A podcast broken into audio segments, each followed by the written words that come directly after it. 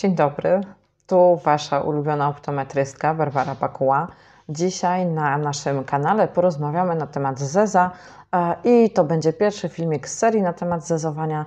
Zobaczmy, czym jest zez i jakie znamy jego rodzaje.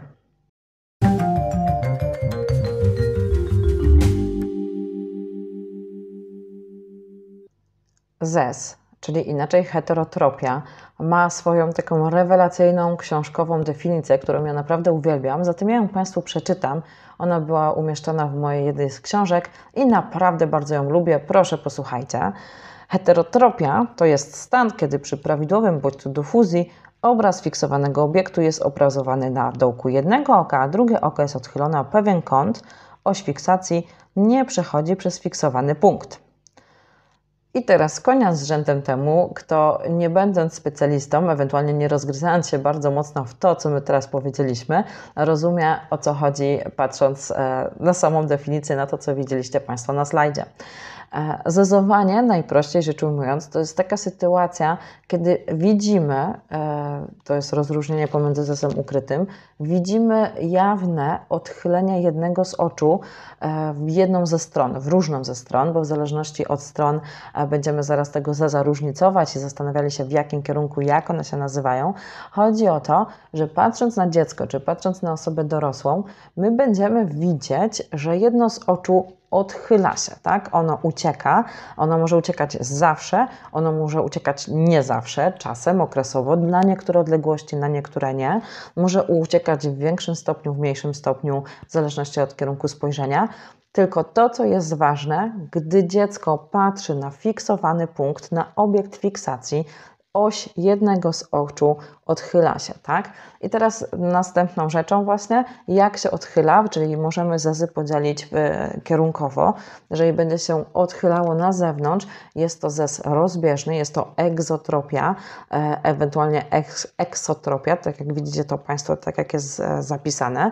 Może to być esotropia, czyli e, jest to odchylenie do środka, do nosa, tak? W ten sposób może być to odchylenie w górę, może być to odchylenie w dół, to są zazy wertykalne e, i może być też odchylenie mm, tak e, skośne. Ono rotuje w tym momencie, gałka się przekręca, tak, ona, ona wykonuje taki, taki obrót i też jest to jeden z rodzajów zeza, czyli w zależności od kierunku zeza my możemy rozróżnić jego rodzaj i w taki sposób go opisujemy możemy tak naprawdę najbardziej głównym podziałem jest to, czy ten zes jest towarzyszący, czy on jest e, nietowarzyszący. I to jest najbardziej taka główna, główna definicja, mm, główny podział, nie definicja, tego główny podział zeza. I oko zezujące e, zawsze towarzyszy, przy zezie towarzyszącym, ono towarzyszy w ruchach oku prowadzącemu, tak? Ono utrzymuje wtedy niezmienny kąt odchylenia, czyli w momencie, kiedy oczy będą e, kierunkować się w daną stronę, to oko zezujące również będzie się E, ukierunkowało w stronę fiksuja, fiksowanego obiektu, niemniej jednak będzie cały czas odchylone, odchylone w, róż, e, w, tym równym stopniu. Tak? Na tej zasadzie to polega. W momencie, kiedy mamy e, porażenny, nietowarzyszący zes, to ten kąt odchylenia będzie się zmieniał w zależności od kierunku spojrzenia, w, w którą stronę, tak? czyli będziemy mieli do czynienia ze zmiennym kątem zeza. Może być również w ten sposób, że oko w ogóle nie podejmie ruchu, czyli może być całkowicie też ustawione e, w sposób zbieżny, w sposób e, zły i nie podejmuje ruchu w momencie, kiedy podejmuje ruch drugie oko. Możemy mieć do czynienia również z zezem jednostronnym albo z zezem naprzemiennym. To może być w ten sposób właśnie, że gdy jest zez jednostronny, Znów jest to jakby po nazwie domyślamy się, że zezuje, ucieka właściwie zawsze jedno oko. W momencie, kiedy jest naprzejemny, może zezować, może uciekać raz jedno, a raz drugie oko. Czyli jest to taka sytuacja dosyć e, zmienna i nie ma tutaj e, wykazania, może być pewna dominacja, że ucieka jedno oko częściej, ale może uciec albo jedno, albo drugie. Wspomniałam również o heteroforiach, czyli o zezach ukrytych e, i jest to pewien rodzaj zeza, gdy mówimy o zezach jawnych, e, no to nie bierzemy ich pod uwagę, ale warto w tym miejscu o nich też wspomnieć. E, jest to uciekanie po prostu oczu, którego nie widać gołym okiem, gdzie pacjentowi również, czy to rozbieżnie, zbieżnie, wertykalnie, czy skośnie, również oczy mogą uciekać, mogą ustawiać się nieprawidłowo, ale musimy zdysocjować widzenie, musimy przesłonić oko, musimy wprowadzić e, właśnie dysocjację, żeby zobaczyć e, i ujawnić tego zeza. Czyli jakby bezpośrednio patrząc, e, gdy pacjent patrzy obuocznie, zeza ukrytego nie zobaczymy, zobaczymy go dopiero podczas badania w momencie zdysocjowania spojrzenia. Oczywiście zezy ukryte też mają bardzo ciekawą definicję i, i właściwie e, tylko i wyłącznie dlatego, że zawsze mi się podobają, Państwu również przeczytam. Zobaczcie na slajd. E, widzimy, że heteroforia to stan, w którym przy właściwym bodźcu do fuzji osie widzenia obu oczu przechodzą przez punkt fiksacji, natomiast przy niewłaściwym bodźcu do fuzji przez punkt fiksacji przechodzi tylko jedna z osi, a druga jest odchylona. To oznacza, że u heteroforyka prawidłowe ustawienie osi widzenia obserwujemy przy otwartych oczach.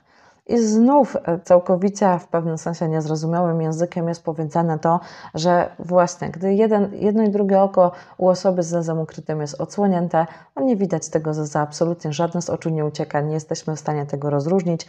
Musimy zdysocjować to widzenie i wtedy mamy możliwość zobaczenia, e, zobaczenia że jest, jest, ta, jest uciekanie, jest zez ukryty i możemy przeprowadzić badanie. Dzisiaj skupiamy się tylko i wyłącznie na tych zezach e, jawnych, zatem e, bardzo dokładnie teraz popatrzmy i zróżnicujmy je, jak one, e, jakie są jeszcze rodzaje, jak one występują, co możemy odkryć i podczas diagnozy, gdy pracujemy z dziećmi, co możemy zauważyć i jak będziemy zapisywać te różne rodzaje zaburzeń.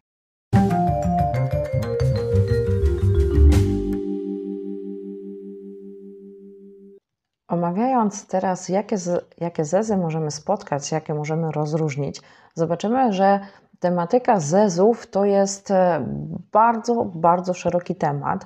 I już w tym miejscu, na samym początku, chciałabym uczulić Państwa na jedną rzecz. Mm, często spotykam się z pytaniem, e, co zrobić w przypadku zeza zbieżnego? Jak ćwiczyć zez rozbieżny? Albo moje dziecko ma 2 lata, moje dziecko ma 4 lata, moje dziecko ma 6 lat i pojawiło się uciekanie oka. Co w tym momencie zrobić? Czy widzenie obłoczne jest, czy go nie ma?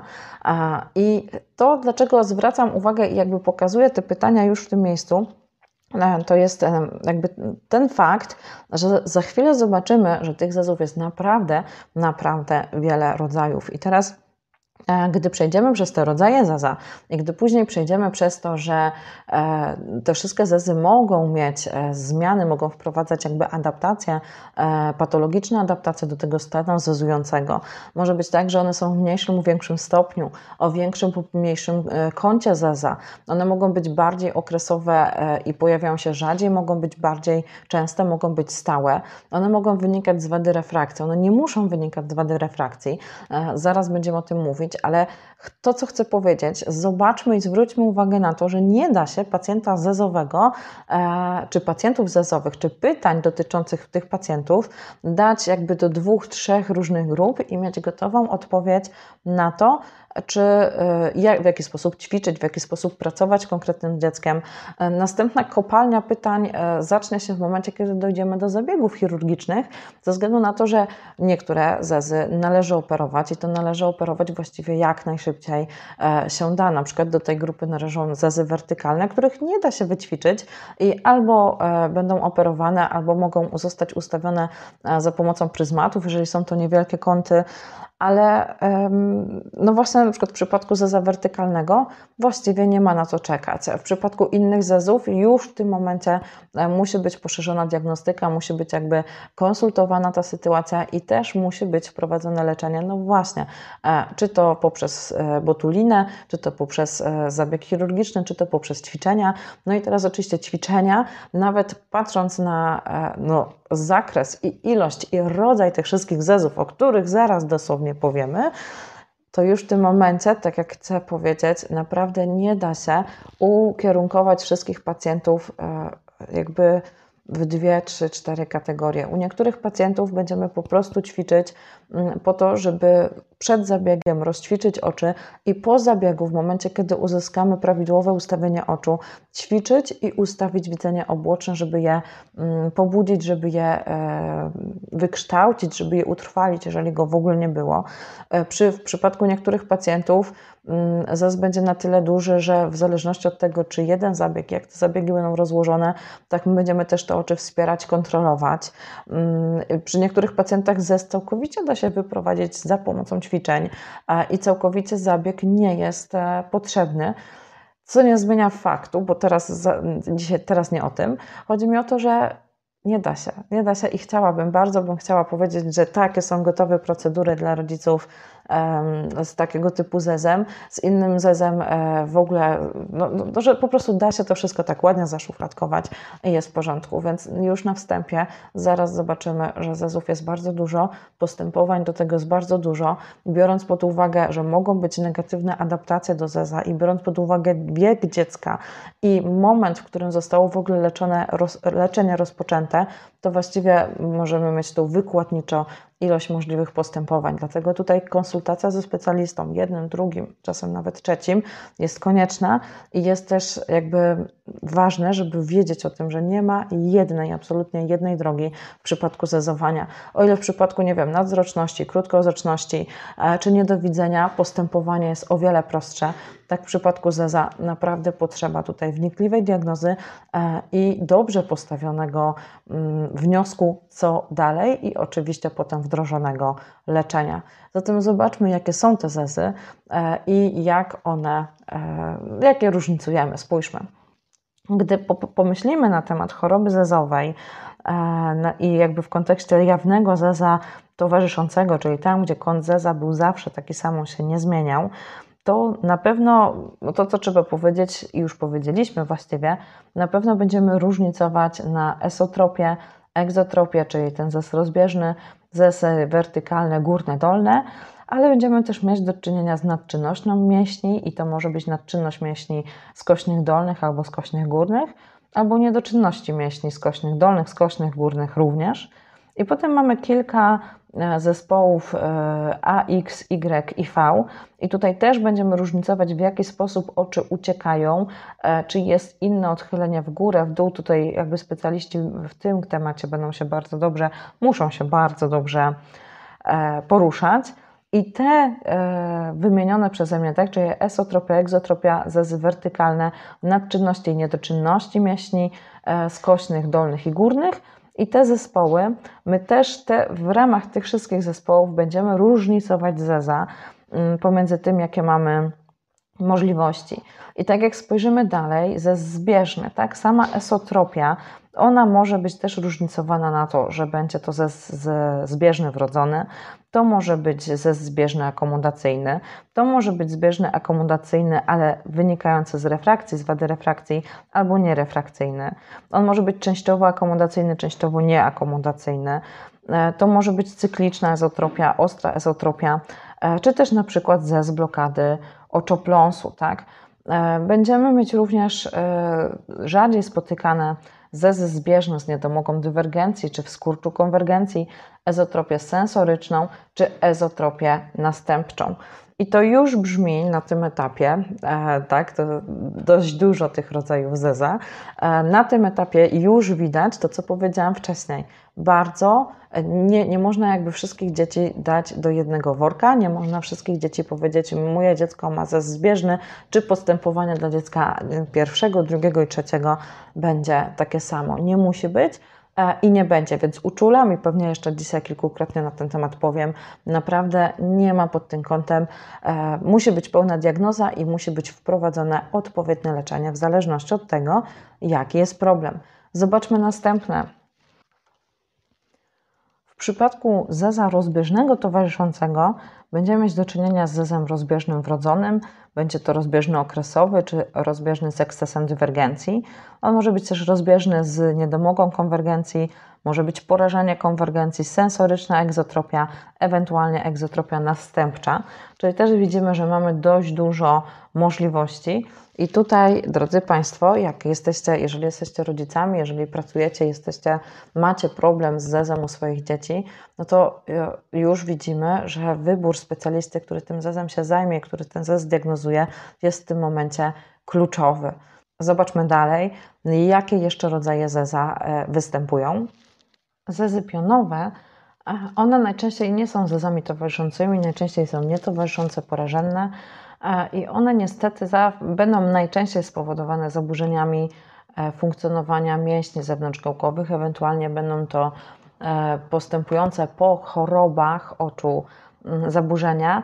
Niekiedy jest w ten sposób, że też anatomicznie oczodoły w momencie, kiedy są nie osadzone dobrze, e, nie są osadzone symetrycznie, to też powstaje zes pionowy, jest ustawienie oczu e, pionowe.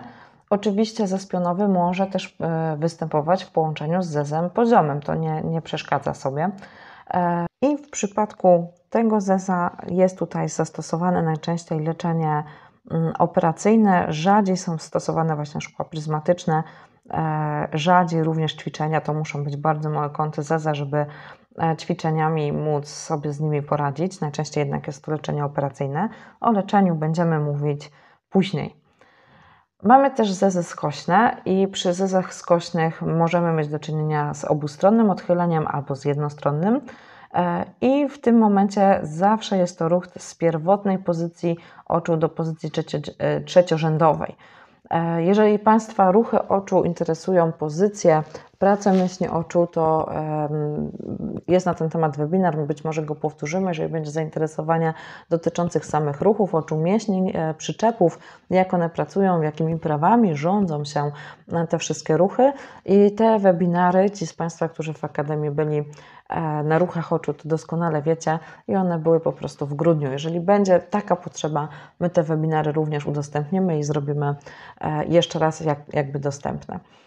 E, przy zezach skośnych zobaczmy nadczynność mięśnia skośnego dolnego albo niedoczynność mięśnia skośnego górnego, albo nadczynność skośnego górnego, albo niedoczynność skośnego dolnego. Czyli znowu mamy nadczynności albo niedoczynności e, danego mięśnia, ewentualnie może być to też porażenie.